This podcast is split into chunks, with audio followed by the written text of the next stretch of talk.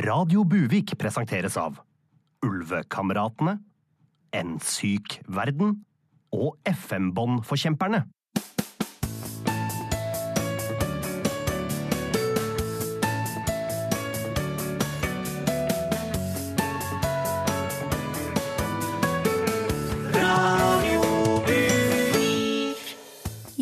Hjertelig velkommen til årets aller første sending av Radio Buvik, Norges beste lokalradio. Og her tar vi for oss uka som har gått, og mye har skjedd. Og det jeg da bare først og fremst vil si, er at jeg syns det er dumt at Akari og Aylar skal drive og krangle sånn. To sånne flotte, sterke kvinner burde holde sammen framfor å gå i tottene på hverandre. Men det er dessverre ikke bare de som er uvenner, og det skal vi se litt nærmere på når vi nå skal gi deg et eh, hei hei og et dypdykk fra vårs. En 360 graders oversikt fra sjølve buljongen tatt Norge. Her i Buvik så følger vi den spennende Eirik Jensen-rettssaken med stor nysgjerrighet. Derfor har du kommet hit eh, i studio i dag, krimentusiast Erling McQueen. Ja, jeg er en krimentusiast, det kan du si. Jeg har lest Snømannen, jeg har lest Politi, og så følger jeg med deg i påsken på Bak på melkekartongen. Har svart riktig flere ganger. Så det er klart. Og jeg elsker en god historie, og her er det jo så spennende i denne rettssaken nå. Er Eirik Jensen børk eller skurk? Ja. Eller er han purk og skurk? Nei, det, det, kan han ikke være. Du kan ikke være både purk og skurk. Nei vel, hvorfor ikke det? Nei, for da blir det jo ikke en uh, god historie. Det er vanskelig å lage en god, spennende krim som du kan selge til Netflix eller HBO hvis han er både purk og skurk. Jeg skjønner for så vidt det, men det kan det ikke også være at en og samme person noen ganger både gjør gode og dårlige ting? Ja, du, du har jo et poeng, men nei, vi trenger en ordentlig helt og en ordentlig antagonist. Du kan ikke være både purk og skurk i krim. Ålreit.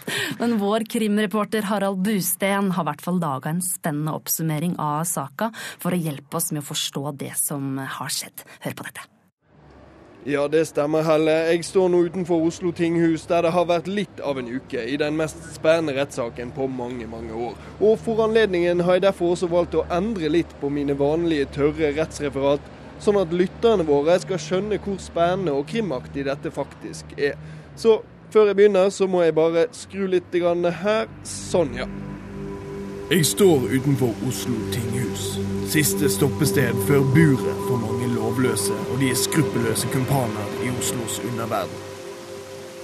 Regnet hamrer ned som vold med stumpe gjenstander på paraplyen. På innerlomma ligger en fulladet lydopptaker, og jeg er ikke redd for å bruke den. OK, her er saken. Eirik Jensen en svartmusket hardhaus av en stridsmart snut har denne uken fått forklare seg om sitt forhold til den sleipe hasjbaronen Gjermund Cappell.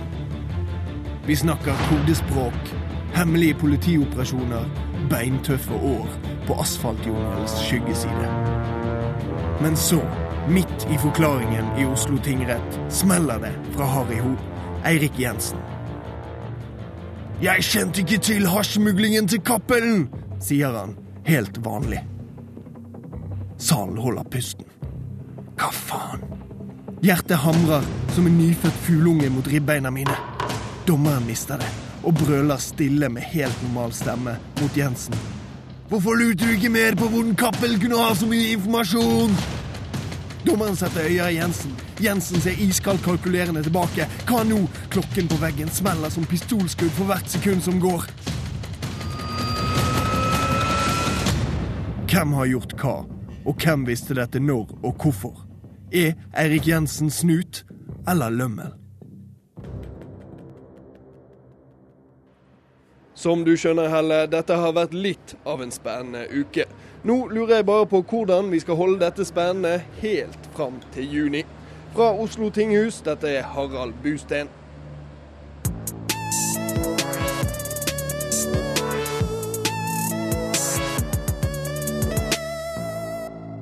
Da blir det nyheter med Ida Breed her på kanalen. Og da bruker jeg Eirik Jensens blomsterspråk og, og spør Det er stille og sol. Har vaktmesterkompaniet folk på jobb? Helle, du er så rar.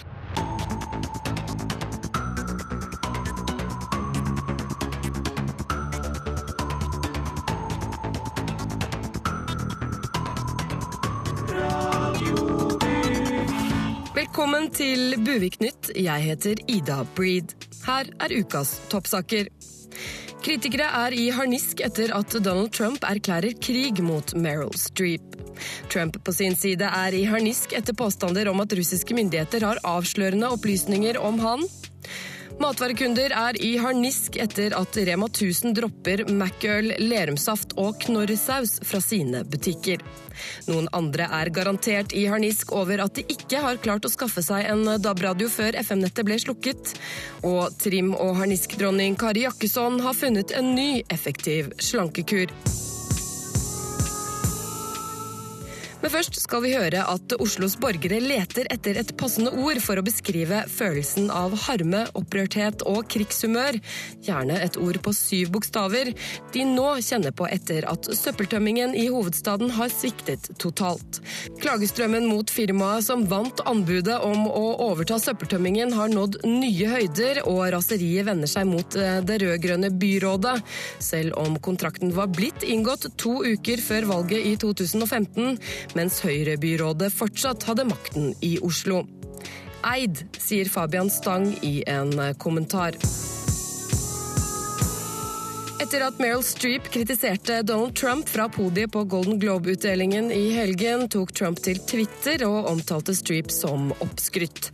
Dette har fått mange til å se rødt. Greit nok at denne fyren er korrupt, skattesnyter, løgnaktig, bor i et gulltårn, har klare narsissistiske trekk, er oppfarende, hevngjerrig og tydeligvis klin hakke gal. Det er sånt man kan se gjennom fingrene på. Men at han mener verdens mest anerkjente skuespillerinne er oppskrytt, det er bekymringsverdig på et helt nytt nivå. Endelig har jeg fått øynene opp for at denne fyren ikke er skikket til å bli president, sier en indignasjonsentusiast på internett. Og i en totalt uforutsett vending har det stormet enda mer rundt Trump denne uken, etter at ubekreftede kilder i russisk etterretning mener de sitter på kompromitterende informasjon om Trump, som både omhandler suspekte økonomiske bindinger med Russland, forsøk på bestikkelser, omgang med russiske prostituerte, samt at han har sett Meryl Streep-filmen The Devil Wears Prada 37 ganger på Netflix. Selv om påstandene foreløpig har vært umulig å bekrefte, har de fleste store nyhetsmedier i verden publiserte. Vi vet det har vært eh, mye greier rundt det å ikke videreformidle potensielle falske nyheter og sånn, men vi har så innmari lyst til at dette skal være sant, så da tenkte vi at det var innafor, sier et samlet internasjonalt pressekorps. I Buvik sentrum fortviler matvarekunder etter at Macøl, Lerumsaft og Knorrsaus har blitt fjernet fra hyllene i den lokale Rema 1000-filialen. Og reporter på stedet har loddet dommedagsstemningen. Hvordan vil dette påvirke deg som forbruker? Det blir helt forferdelig. Altså, jeg elsker å handle i altfor trange lokaler der varene bare er stablet på paller og smågodt er harskt, og hjulene på handlevogna er vindskeive, og det er lang kø i den ene kassen som er åpen. Altså, det, det elsker jeg. Hvis Rema 1000 har tenkt å fortsette som dette, blir jeg vel nødt til å begynne å handle i en trivelig matbutikk da, i stedet. Arbeiderpartiet vil verne enkelte områder i Lofoten for oljeleting, men områdene de nevner har ikke noe olje i utgangspunktet. Også her hjemme jobbes det nå verning. Kommunestyrerepresentant Lars Butnes fra Buvik Arbeiderparti hadde dette å si. Ja, Vi i Buvik Ap vi kommer nå til å jobbe for å verne hele Buvik sentrum mot oljeleting. Og nå er det jo ingenting som tyder på at det er olje akkurat her, så sånn sett burde jo det være mulig å overholde langt, langt inn i framtiden. Vi kommer også til å foreslå vern av all mammut og sabeltiger i skogene våre, fordi vi bryr oss om miljø og mammut. Og til sist en gladsak. Kari Jakkesson har vært i hardt vær og mange konflikter i det siste, men nå ser det endelig ut til å snu for trimdronningen. Hun har nemlig lansert sin nye oppskrift på et eh, sunnere liv. Kjeft deg tynn med Kari Jakkesson. Jakkesson er allerede i gang med kjeftetimer. Kom igjen, nå! Én og to og én og to, så ser vi på sidemannen og forteller henne hvor dummen er, og tre og fire og tre fire. Bra! Kom igjen, da! Woo! Og én og to og én og to, så ser vi på den andre sidemannen og ber suge til bikker, og tre og fire og tre og fire. Bra! Kom igjen! En gang til, og én og to og én og to. Og en jødisk maktelite kontrollerer verden og tre og fire. Og dobbelt tempo, kom igjen! Det er ingenting som forbrenner flere kalorier mer effektivt enn å skape konflikter og krangle, sier Jakkesson. Jeg har troen på at dette er noe som kan treffe det norske folk midt i blinken. Dette var Buvik Nytt. Jeg heter Ida Breed.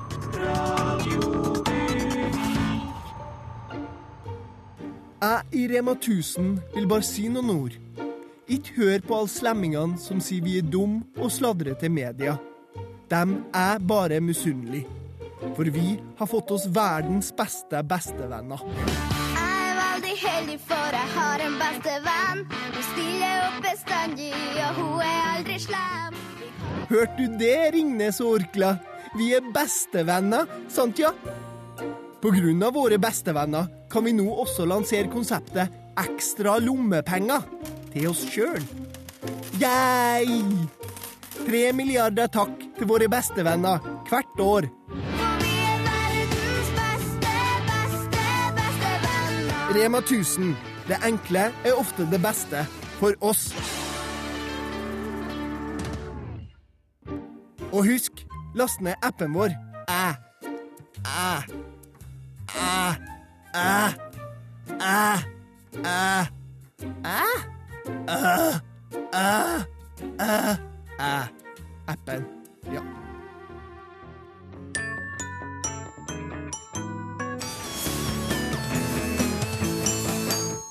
Mitt navn er Helle Dahl, og du hører på Radio Buvik. Og nå skal vi møte en veldig interessant mann. Velkommen, filosof Frank Ørnli. Ja, hei, hei, unge frøken. Det var Hei. trivelig å få lov til å komme til Radio Buvik, endelig. Og dette er nok siste gang dere hører fra meg. Ikke si det da, Frank. Jo da, men er det så farlig? Livet kommer, og livet går, og snart er det min tur. I fjor var det David Bowie, og i dag kan det være meg. Så det som er så trist med David Bowie, var jo at han var en fantastisk musiker, en helt utrolig virtuos mann. Han hadde jo alter ego som var Siggy Stardust. Og han eh, transponerte jo alle sine sanger mm, ned på papiret. Men, men, men Frank, nå er det vel ikke Davy Bowie du er her for å snakke om, er det det? Nei, det er ikke det, rett og slett. Det er jo slik at jeg får veldig mange henvendelser fra folk rundt omkring i det ganske land som som sier til meg, Frank, du som er et skritt nærmere Vår Herre enn jeg er, har du ikke noen trøstens ord i denne kaotiske verden som finnes, som vi lever i i dag? Ikke sant? Og, og, og vi i Radio Buvik vi er jo så heldige at du har laget en helt egen spalte til vårs Ja. eh, som skal varme menneskesjela. Det stemmer det, og jeg tenkte lenge på hva vi skulle kalle denne spalten, da det sto mellom gode forslag som visdom, eller visdom på tampen av livets slutt, eller tiden leger alle sår, eller en klamrende hånd i halmstrået kalt livet. Hva, hva var det dere endte på, Frank? Er det så farlig? Ikke sant? Av Frank Ørneli. La oss høre litt på det.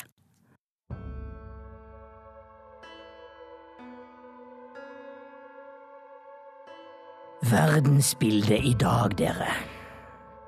65 millioner mennesker på flukt gjennom Europa. Som små dråper i en elv. Og under en uke til Donald Trump sitter ved maktens bord. Men er det så farlig? Grip dagen, dere. Carpe diem, folkens. Som ungdommene sier, take a chill pill, brother. Ta opp telefonen og ring en du er glad i, og si hallo.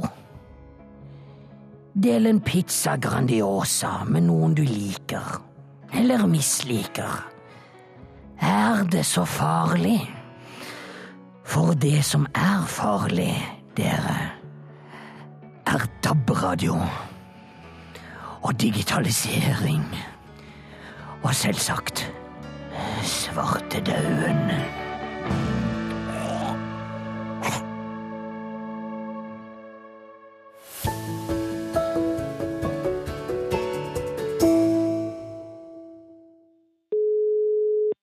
Ja, hallo? Hei, jeg ringer fra Radio Buvik. Snakker jeg med Vidar Magnussen, komiker i NRK? Eh, Ja, jeg kaller meg tøysegutt, men det, ja, det stemmer. Ja, jeg lurte på om du kunne gi en kommentar på ekstremværet Vidar som har herjet denne uken? Ja, ehm, ja, det var jo veldig trist eh, at det ble voldsomt, da.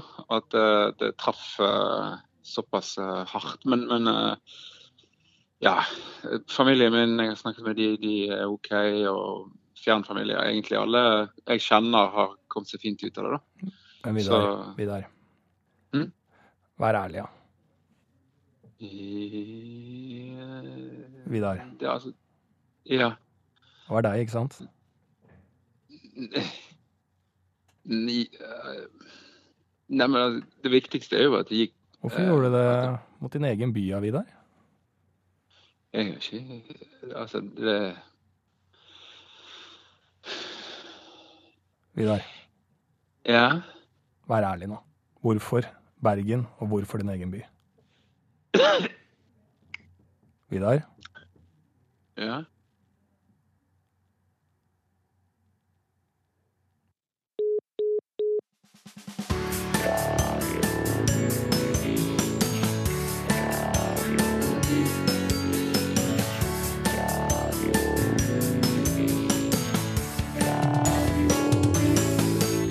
Da har vi fått et veldig tøft besøk her i studio, nemlig fylkets råeste hiphop-musikant, eller gangsterrapper.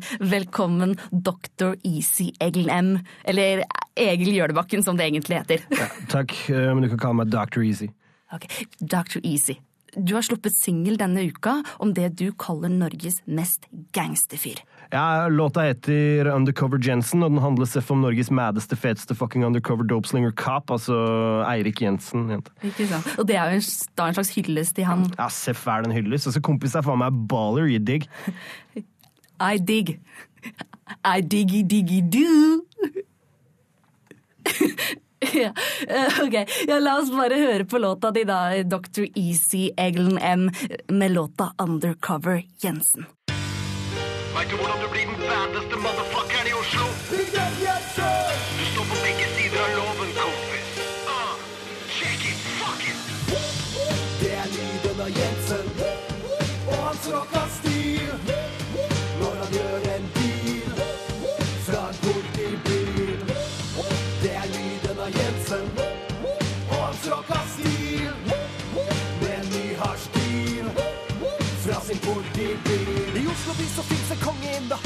stasjon. En fyr som smykker seg med bad til kvarte million. La meg fortelle deg om motherfucking Eirik Jensen. Ja, han er kanskje snut, men det er fucking helt på grensen. Han er en undercover supersnut som deler ut slag på slag på kriminelles lommebok og sutret ut. Han knakk A-gjengen, og så B, så knakk imperiet til hasjbaron Gjermund C.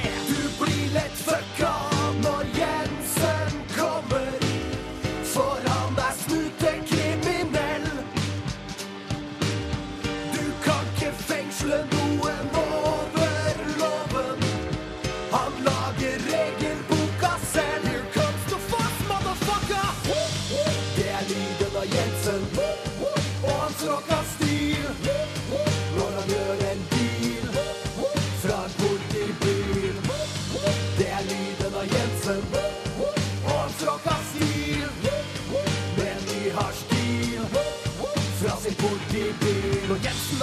tar og knekker de.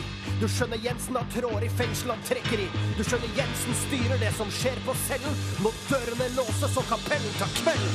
JNCKBDI,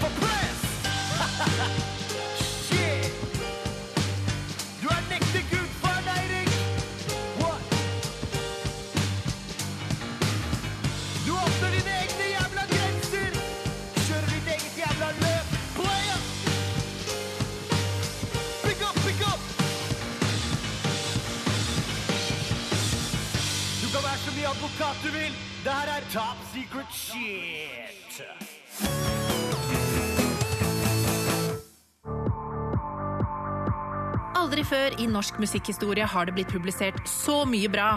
Historier om mentale problemer. Her er Radio Buvik sine absolutt favoritter fra 2016.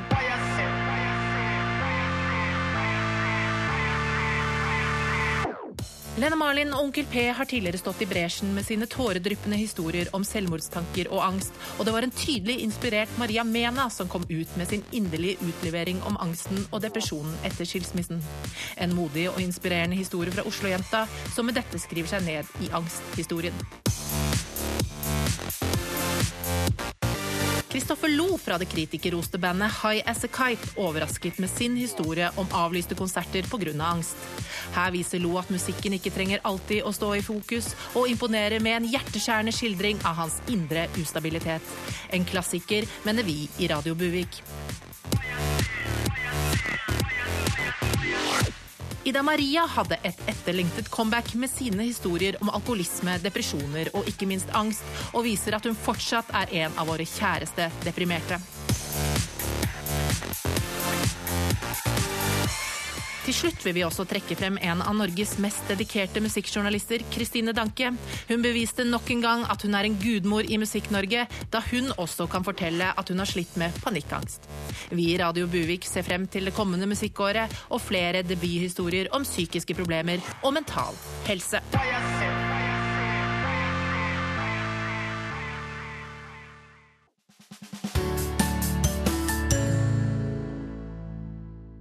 I løpet av 2016 steg arbeidsledigheten til 5 og det vil si 139 000 arbeidsløse. Og det er det høyeste nivået siden 1996. Og mye av årsaken var sjølsagt nedgangen i oljenæringa, men for deg, Arne Solvang, så var det litt annerledes. Ja, ja, ja. Nei, jeg har aldri jobba i oljenæringa, jeg. nei, så altså, jeg fikk eh, veldig tidlig i 2016 da, veldig vondt i hodet. Og så måtte jeg liksom ja, slutte i jobben min da, som uh, resepsjonist. Eller sånn, ja, sånn ringevakt, da. Sånn, ja. ja. Ikke sant? Fordi hodesmertene var rett og slett for ille. Nei, nei, nei. Nei, nei. Hodesmertene gikk egentlig over i, sånn, i løpet av den dagen, egentlig. Men jeg har vært litt sånn hva skal jeg si, litt sånn svimmel og litt sånn ubalanse. Jeg klarte i hvert fall ikke å jobbe lenger, da. Så, mm. Ok. Ok, U- u- Uansett, Arne, så du, du mener nå at det er på tide å skryte litt av Norge og det arbeidet Norge faktisk gjør for å få folk i arbeid Ja, men jeg må få lov til å, å skryte litt av Nav. altså Den jobben de gjør. Det er herregud for noen folk! Og for et fantastisk tilbud det er! Det er jo helt utrolig. Så fint, for de hjalp deg faktisk ut i arbeidslivet igjen? Nja, altså når det gjelder, gjelder akkurat meg, da, så ønsker jeg å jobbe med noe mer sånn kreativt. Så akkurat jeg har ikke fått det riktige tilbudet ennå, da. Men, eh, men de er utrolig flinke på Nav, og, og vi nordmenn bør egentlig være veldig stolte, da. Så, så til alle permitterte oljearbeidere der ute, bare slapp av! Trenger ikke jobbe når vi har Nav, vet. Det er, det er greit å vite. Jo, jeg, tror kanskje du har misforstått litt eh, Arne. For selv om vi har Nav, så er det jo meninga at folk skal jobbe. For du har vel planer om å komme deg ut i arbeidslivet igjen? Ja, ja, ja. ja, ja, ja. Men, men vi må jo huske da at jeg har vært øh, fryktelig svimmel. Og så ja, Jeg sier ikke at jeg gir opp, for jeg er en veldig positiv fyr. Og ja, kjenner jeg Nav rett, så får jeg lønn og, mens jeg leter videre. Og så, så det er greit. Det, det. Nav er der, så passer på meg. Så det, det går bra, det. Ikke sant? Ja, ja. ja, ja, men jeg skulle faktisk i et øh, jobbintervju i dag, ja. men så valgte jeg å komme hit og snakke om det å ikke ha jobb isteden. Ja. Så det ja. Du presenterer det veldig positivt, men, men er ikke dette egentlig litt negativt? Burde du ikke egentlig ha prioritert det, det jobbintervjuet? Nei, nei, nei. Jeg tenker at det er viktig at det er en stemme der ute. Og, og ja, er det ikke ålreit at den stemmen er positiv, da? Liksom, sånn yeah! Nav! Nav er kult! For så vidt, greit, Og så i morgen så er det i gang med ny dag med nytt jobbintervju. Ah, så Ja. bra, så da Ja. er det på plass. Ja, ja eller ja, kanskje ikke i morgen, da. For, for det ble satt sånn 09.00, tror jeg. var det, Og det, hva er det? Jeg er liksom Hva er det heter igjen, da? Sånn B-menneske. så det er nok litt i overkant tidlig for meg, faktisk. Men dette har jo Nav garantert forståelse for, så jeg er ikke bekymra. Selv om livet er hardt, så er jeg positiv, jeg. Så det er, det er lite som kan knekke meg, si. Ok. Ja. Ja, nei, det, det tror Jeg er var alt. alt vi rakk i dag, Arne. Men eh, Ja, ja. lykke til videre. Ja, jeg kan sitte litt til, jeg har god tid. Ja, vi skal få inn litt nye gjester. Å ja, og ja, sånn. ok. Ja, det gå til. Ja, greit. Du har lykke til. Ja, takk.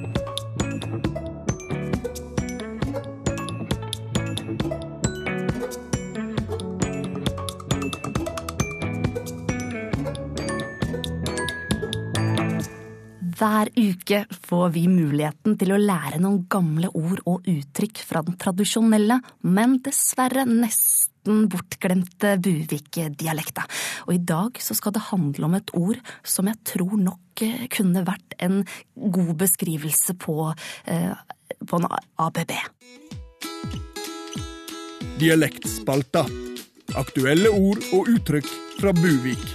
Ved Gjert Buson Vikbukt.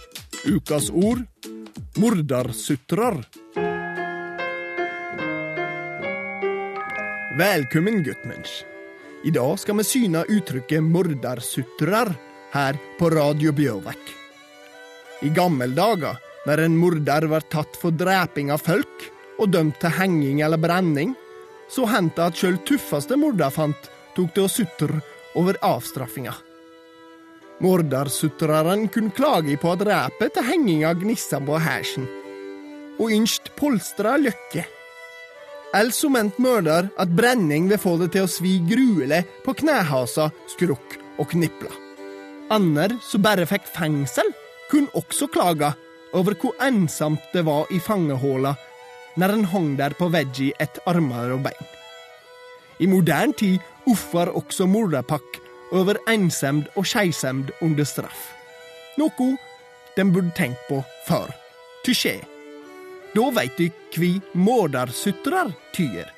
Føl Vikenda staselig, guttmensch. Du hører fortsatt på Radio Buvik, og jeg er fortsatt Helle Dahl.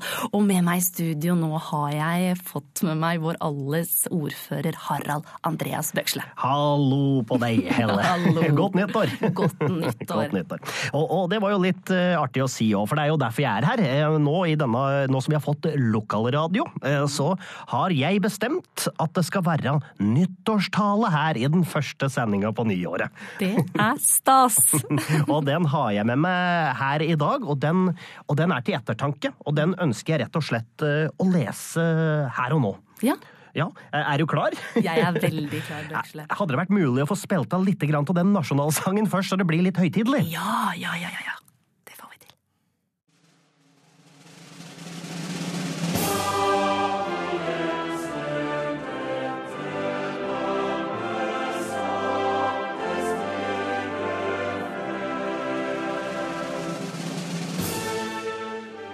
Kjære Buvik. 2016 har vært et hardt år. Vi har mista mange store personligheter, og for meg var det største tapet av dem alle den lokale dikteren Eirik Wahl Lindsund.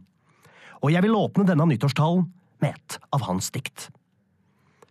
Ærlighet varer lengst, men føles strengest. Men er man ærlig, vil man aldri tape. Så la oss kalle en spade for en spade, og svartemann, han kaller vi ape. Ja, Nå er kanskje den siste delen av dette diktet noe utdatert i forhold til nye rasismeparagrafer, men diktets første del, det er viktig, og det handler om ærlighet. Så la oss i starten av dette nye året begynne med å være ærlige. Og jeg skal lede an. Ja, jeg og Trude Drevland fikk litt ekstra penger i fôret av den cruiseskipgreia. Og Buvik og Norges skilandslag ja, de tar litt dop for å kunne konkurrere. Ja, vi er egentlig alle helt enige med Sylvi Listhaug og synes hun gjør en viktig drittjobb. Og ja, jeg har brukt skitne midler for å unngå asylmottak her i bygda. Og ja, det er litt fordi jeg er skeptisk til alle disse innvandrere. Jeg sier disse tinga fordi ærligheten varer lengst. Og nå som vi endelig har fått en amerikansk president som tør å være så grunnleggende ærlig, både på Twitter og talerstolen, så kan vel jeg, som Buviks ordfører, også lette mitt hjerte og kjøre den ærlige linja inn mot 2017. Jeg har allerede tvitra to ganger i år, og dem har begge vært ærlige tweets. I den første skrev jeg Kristoffer Joner er oppskrytt, og i den andre det var jo egentlig ganske artig å endelig få sett kukken til lille Marius på internett. Hashtag en skikkelig rugg. Og det er nettopp ærligheten jeg vil at vi tar med oss inn i 2017. La oss bare si rett ut at Wenche Foss var en champagnerusa tøysekjerring med et usjarmerende superego. La oss bare innse at Therese Johaug og Marit Bjørgen åpenbart ble født med klosterbol på leppene. For det er først når vi kan være ærlige om at vi egentlig ikke bryr oss om dem som prøver å komme seg inn i dette landet, eller at vi eldre gutta noen ganger tar oss en runk når vi ser på de spretne jentene i Skam, at vi kan bevege oss fremover. For først når samvittigheten er rein, kan man som Prøysen så fint sa det, begynne med blanke ark og farvestifter til. Og jeg vil avslutte denne nyttårstalen med nok et sitat fra vår riksskaphomo Alf Rumpegutt Prøysen. Du skal få en dag i morgen. Godt nyttår, Buvik.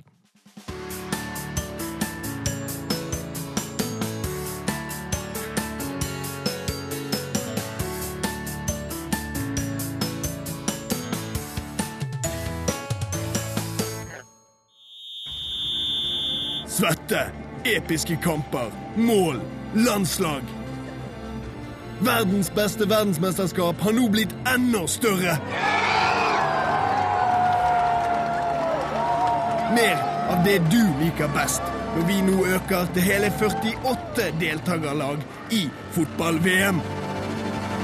16 episke grupper, 32 intense dager, 80 kjempende lag, 1104 svette spillere, 8 deilige milliarder i økte inntekter.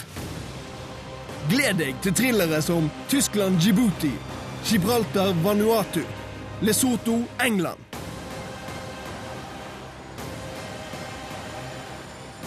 La folkefesten begynne. Fifa. More is more.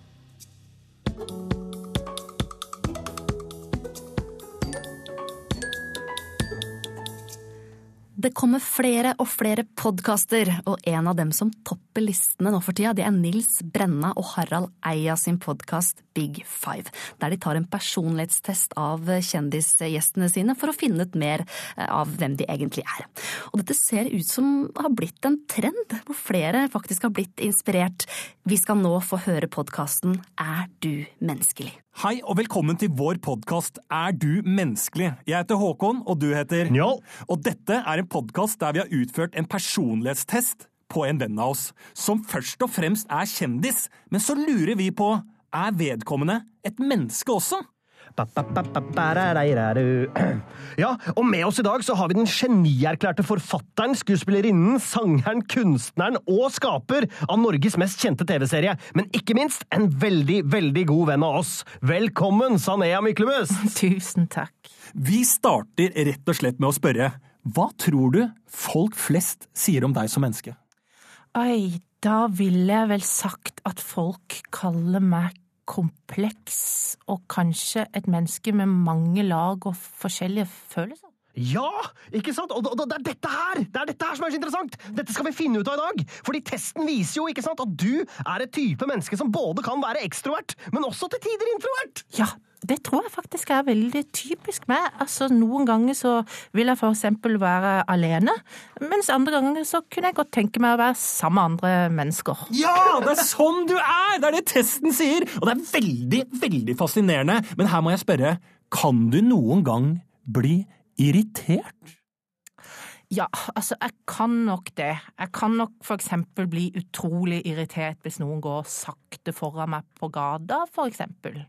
Ja, ja, ja ikke sant? Du er et sånt menneske! Ja. Jo, men noen ganger så kan jeg også eh, ha god tid og ikke bli irritert på de som går sakte. Ikke sant! Ja. Ikke sant? Og der sånn viser du jo der viser du jo, ikke sant, at du har flere fasetter som kjendis. Altså, Du viser at du kan være tålmodig, men også utålmodig. Og da skal vi over på ditt planmessige deg. Og da lurer jeg på, hva tror du testen sier? Tror du testen sier at du er organisert? Jeg vil, jeg vil nok tro at jeg er en kjempeorganisert eh, og dedikert type, spesielt i jobben min. Altså. Det er helt riktig, det er du! Det, det sier testen også. Ja, men jeg skal ærlig innrømme én ting, og dette er en flau historie, altså. For jeg skulle i butikken i går og skulle kjøpe Zalo, eh, og jeg glemte å kjøpe Zalo. For du, for du kjøper Zalo selv, ja! Ja, ja, jeg gjør det, jeg gjør det, men jeg glemmer noen ganger. Ja, Men igjen så viser du at du er et sammensatt menneske, for du glemmer det! Ja, det er veldig flaut, altså.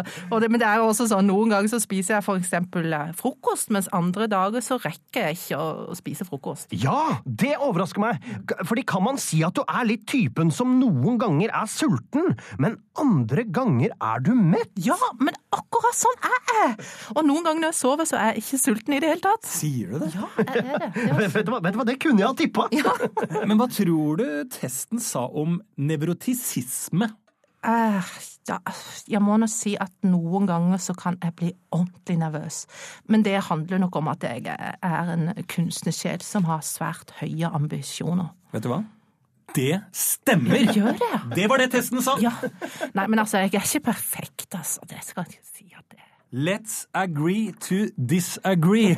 Jeg syns du er perfekt. Ja, ja, men det vil, det vil si, det vil si Men det vil si at du har mange menneskelige trekk med flere lag og følelser. Ikke sant? Så vi kan jo konkludere med du er kjendis, men du er også et menneske! Ja, Og kanskje veldig spesiell. absolutt. Og vår venn, vi kjenner deg veldig godt. Vi er så glad i deg. Du er så talentfull, og du er så kjent. Fine gutter. Menneskekjent. Tusen takk. Så menneskelig du er. Takk. Tusen takk for at du kom. nå, innmari Tusen takk.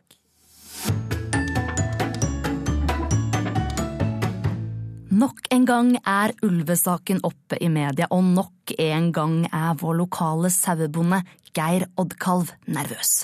Vi setter over til vår reporter. Jeg står nå midt i Buvikskogen, rett ved Buvikselva, sammen lokale sauebonden Geir Oddkalv. Nå er jeg livende redd. Jeg skjelver som en såkalt aspeløve. As Aspeløv. Ja, da har jeg blanda de, men det, det, det handler om ulven. Nå er det ulv.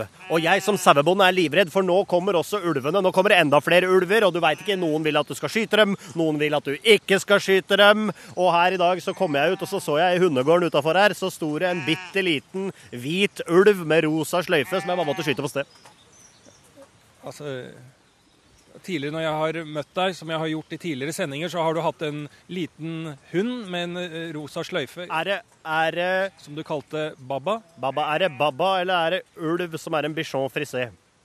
Det er nok Baba. altså, Da har jeg din blanda de. Det blir jo et, det blir jo et forklaringsproblem, sjølsagt, men det er jo ikke så lett å vite. Skjøt du din egen hund, er det det Ja, du sier? ja, det viser seg. Det skal vise seg, det. Det skal vise seg det, Men det, det, det er jo ikke så rart. For jeg har jo nå hørt at eh, det kan være ulv i foreklær, ikke sant? At du kan være undercover, og at du egentlig er der for å drepe sau og selge hasj. Så det er klart den er redd. Ja, ja, nå tror jeg du blander litt med, eh, med Jensen Cappelen-saken. Eh, Cappelen. Det er hun som strikker gensere og er flott på God kveld, Norge.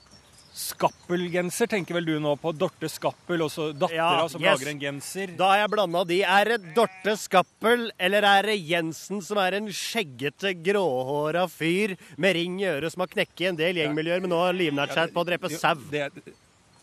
Nå falt jeg av. Ikke sau. Altså, Jensen er eh, politi, politimann som da er Men han er ulv i fåreklær, og det er det som er problemet. Ja, det kan du godt si. Det er metafor. Og ikke sant, og det har jeg sett på amerikanske filmer, at hvis det kommer metafor, og den slår ned bare i havet her, så kan det komme kjempebølger og ta både sau og gard, så er det klart jeg er redd. Nei, nå tenker du på meteor. Ja, da har jeg blanda de. Altså, jeg har ikke lyst til å virke dum, ser du, så jeg tror det er best at bare jeg går. Ja, OK. Jeg har tydeligvis ei bikkje jeg skal begrave, jeg, da. Det Jeg syns den var glad for å se meg, skjønner du. Syns det lugga litt, sånn logisk sett. Ja. Men så blanda jeg. Ja, Du trodde det var ulv. Trodde det var ulv, ja. Takk for at du tok deg tid. Har ikke noe annet enn tid, jeg, om dagen. Er så redd. Får ikke gjort arbeid. Lykke til med begravelsen. Tusen hjertelig takk for at dere kom. Det, det er Jeg bare er her, jeg, vet du. Ja, det er ikke flere, det er bare jeg aleine. Ha det, ha det. Ha det. Ja, folkens, da har det jammen meg blitt 2017, og mange av dere er sikkert allerede godt i gang med årets nyttårsforsetter. Og du, Vibeke, du er personlig trener og mener at nyttårsforsetter er utrolig viktig. Ja, og hører, Nå har du en real mulighet til å sette i gang nyåret! Begynne ordentlig med blanke ark! Fylle det ut med trening, trening, trening, trening og atter trening! Jeg elsker nyttårsforsetter! Ja! Så motiverende. Ja, det er jo noe med det, for du styrer jo din egen hjerne. Du kan gjøre akkurat hva du vil. Jeg trener hver dag, og jeg har fire barn, jeg har full jobb, og mer skal det bli. Heia, heia 2017! Det er imponerende. Har du noen treningstips til oss, Vibeke? Ja, masse! Du kan eksempel trene mens du ser serier. Dipswatching, som jeg kaller det. Eller du kan ta squats mens du lager mat. Squats-cooken. Det er superenkelt. Så fantastisk. Ja! Tren! Tren! Tren! Tren! Tren! Tren! Tren! Tren! Tren! Tren! Gråter du, Vibeke? Jeg er utslitt. Jeg orker ikke. Jeg vil kake. Jeg må ha livsgnist! Vibeke, jenta mi. Takk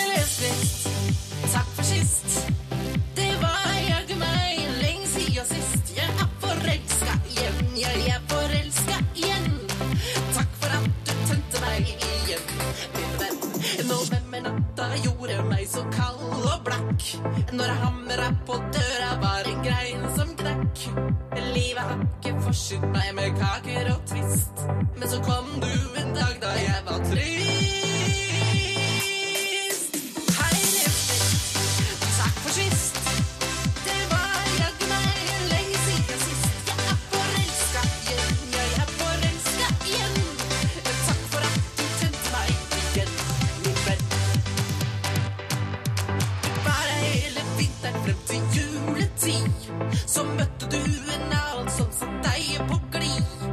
Var kun for meg å lukke døra igjen. Når sommeren kommer, ses vi kanskje igjen.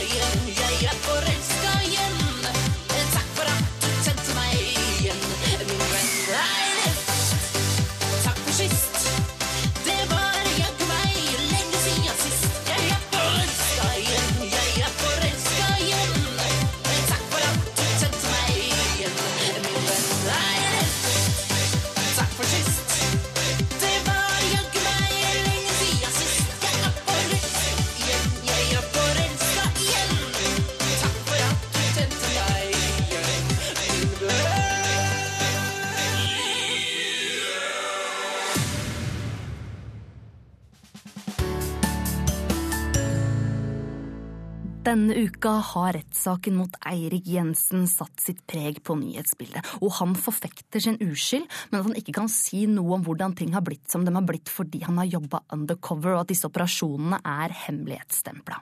Men Jensen er ikke den eneste som har hatt rettssak denne uka, og en som i dag blei frikjent og renvaska, er her hos meg i dag. Velkommen, eh, Anders Behring Breivik. Eh, Jeg foretrekker å bli kalt Anders Behring Breivik, leder i politiets Black Ops hemmelige tjeneste, takk. Ja, beklager. Velkommen, Anders Behring Breivik, leder i politiets Black Ops hemmelige tjeneste. Tusen takk. Du kan kalle meg Andy hvis du vil. Ok, du, du er nå frikjent, og det er for meg helt uforståelig, må jeg innrømme. For det du, du, det du gjorde, det var grusomt. Fortell hva som skjedde, ABB. Nei, det som skjedde var at jeg jobbet undercover i en antiterroretterforskning, og når man jobber undercover i terror, må man jo fremstå som en terrorist. Men kan du ikke fortelle hva denne operasjonen gikk ut på? Nei, nei, nei, det kan jeg ikke si, det er hemmeligstemplet. Men altså, det du gjorde, det var umenneskelig. Hvordan kan dette forsvares? Eh, Jeg kan rett og slett ikke si noe om det, for det er superhemmelig, men nå gleder jeg meg bare til å komme meg ut igjen blant folk og venner og få livet mitt tilbake. Det har vært veldig tungt å leve med denne hemmeligheten at jeg egentlig er undercover-politi, men nå som jeg er renvasket, skal det bli deilig å slutte i politiet og følge drømmen min om å bli spesialpedagog. Dette, dette her kan ikke jeg forholde meg til. Men jeg var jo undercover! Så nå må du gå, Anders Behring Breivik. Andy. Jeg kommer ikke til å kalle deg Andy. Nei, greit, men jeg trodde det var én ting vi hadde lært av rosetogene etter 22. juli, at vi skulle være litt mer tolerante overfor hverandre, og det betyr vel meg også, kanskje. Men greit, jeg skal gå, jeg, for jeg har uansett et spesialpedagogmanifest, jeg mener oppgave jeg skal jobbe med. Fint. Ha det. Ha det. Ha det på badet. Ja. Og så Før vi runder av her, så- så er det også kommet fram enda en person som har blitt frikjent denne uka fordi hun var undercover. Velkommen, eh, Therese Johaug. Takk.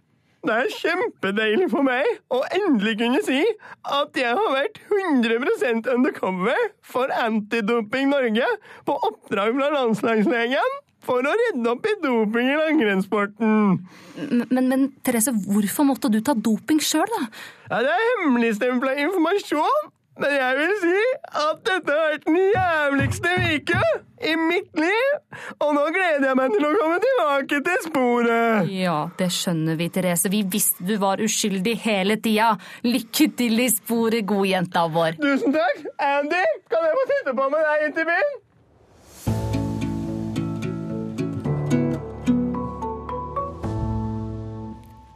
TV-serien Skam har blitt en internasjonal suksess, og NRK meldte denne uka at Hartvig Nissens skole, der serien spilles inn, nå stenger dørene for danske fans som valfarter til skolen. Andre stemmer i TV-bransjen mener dette er en tapt mulighet til å skape blest og entusiasme rundt norske dramaserier, og har bestemt seg for å ta over stafettpinnen. Velkommen i studio, Bitte Survik. Du er PR-ansvarlig for NRK-serien Unge lovende. Kan ikke du bare aller først fortelle våre lyttere hva slags serie dette er? Eh, Det tror jeg folk allerede vet. Den har tross alt fått en del oppmerksomhet. Det, det, det har den helt sikkert. Det er vanlig at man forklarer litt til eventuelle lyttere som ikke har hørt det. Ok, hvis jeg må det. Ja, Unge lovende er en kritikerrost og høyt elsket eh, serie om noen unge jenter i hovedstaden som prøver å takle livet, kjærligheten og finne ut av hvem de er, rett og slett. Ok, Det høres jo litt ut som Overhodet ikke. Nei. Uansett, dere ser jo da muligheter i TV-turismen som Skam velger å ikke ta. Mm, helt klart. Det finnes et enormt eh, marked for TV- og filmturisme. Ja, du tror det er et, et marked for det? Ja, øh, hvorfor skulle ikke det? Er du klar over hvor stort fenomen Unge lovende egentlig var? I to uker så var det faktisk vi som var fremtiden i norsk drama, og ikke Skum, eller det- det- Skam. Whatever. Eh, Vi har nå guidede unge lovende turer, hvor vi vil vise at norsk TV har veldig mye mer å by på enn bare skabb. Skam. og potato. Ok, Hva, er det dere vil vise på turen deres, eh, Bitte? Ja, altså det er en ganske variert bukett vi har lyst til å ta dere med på. Vi har eksempel utestedet Dattera til Hagen, der Silje, den rappkjefta kvinnelige hovedkarakteren, hadde standup. Og så har vi også Teaterhøgskolen i Oslo, en høyere utdanningsinstitusjon med både bachelor- og masterprogram. Litt bedre enn generell studiekompetanse, kanskje. Eh, Der kan man se stedet der han fyren eh, tok Alex på tissen da hun var på audition.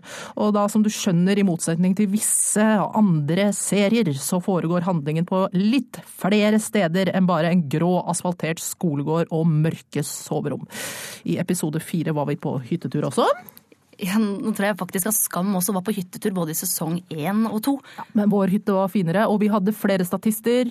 Ikke at jeg ikke syns at Skam er fantastisk, altså. De er kjempebra. De fortjente alle de gulrotene de vant. Kjempebra. Gratulerer med dagen. Og som vi ikke fikk med oss hjem i det hele tatt. Ingenting gleder meg mer enn å se andre ha suksess og vite at man har banet vei for dem. Nevnte jeg forresten at du også kan få se den hotellobbyen der Nenne ble manisk? Kam hadde nemlig en scene der en bipolar klikket i en hotellobby og tok av seg alle klærne. Lurer på hvor de fikk den ideen fra? Vi gjorde allerede det i 2015. Nei da, sånne ting kan man lære av unge lovende da, og det tror jeg vil skape en enorm interesse for serien. Vi har en ny sesong på trappene, og i 2017 er det viktig å tenke nytt når det gjelder markedsføring. Å legge ut ting på Insta, slippe et klipp om dagen, det er veldig sånn 2016-stil, tenker vi i Unge lovende. Ok. Ja, det blir spennende å se om dette vil skape den TV-turismen det er potensialet Vi har for. også installert eh, webcam på soverommet til eh, Jakob Oftebra.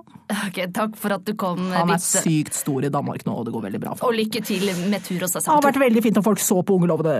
Kjempe, kjempe. Men se om dere kom. tok en titt innom. Takk.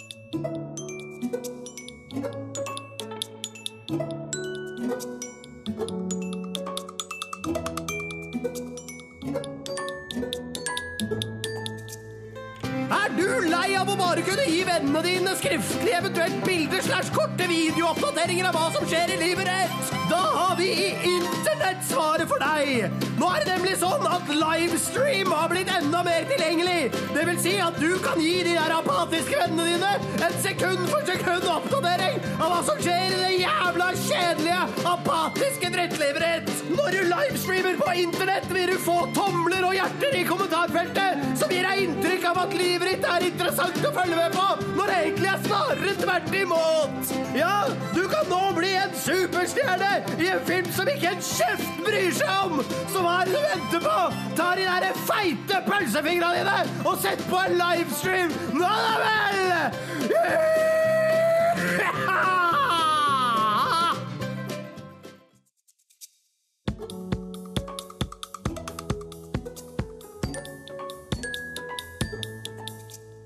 er turbulente tider i verden, og om under en uke blir Donald Trump sverga inn som president i USA. Her hjemme i Norge virker det meste trygt og godt og ganske fjernt, men hvordan er det for de som virkelig kommer til å føle dette på kroppen? Radio Buviks utenrikskorrespondent Janine Simonsen befinner seg for tida på den amerikanske øya Porto Rico. Her er hennes sterke korrespondentbrev. Han ser på meg og smiler, den lokale unggutten som jobber som servitør her i småbyen Rincon på Puerto Ricos vestkyst. Men på innsiden så gråter han. Han gråter for tapte muligheter og for fremtiden han aldri vil få. Han tilhører en minoritet i det som en gang ble kalt den store smeltedigelen. USA, the melting pot, mulighetens navn. De salte tårene de blander seg med pina coladaen han serverer meg, og gir den søte romdrikken en ekstra spiss. Dette er virkeligheten. Et usminket helvete dere er beskyttet for hjemme i Norge, men som jeg får kjenne så altfor nært på kroppen her. Om kort tid kan Donald Trump kalle seg president. Mannen som vil bygge en mur til Mexico, og som har veldig oransje hud og rart hår. Slikt er dere ikke vant med i Norge. Men her er det blitt den nye hverdagen. Det er min plikt å formidle det videre til dere, samme hvor smertefullt det er for meg å se dem. Stuepiken på hotellrommet mitt leverer minstelønn. Hadde jeg snakket med henne, hadde hun sikkert fortalt meg at hun har minst seks barn som hun sliter med å brødfø, og som kanskje sitter i fengsel. I dag tilbød jeg henne en Oreo-kjeks.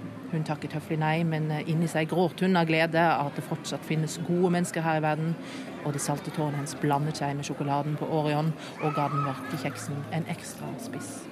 Den stekende solen og de fire meter høye bølgene som slår inn over surfeparadiset, minner oss om at situasjonen i verden burde ha nådd kokepunktet, og at det stormer kraftig. For dere hjemme i Norge er det kanskje vanskelig å ta inn over dere, men for oss som lever med det tett på kroppen, så er det så altfor ekte.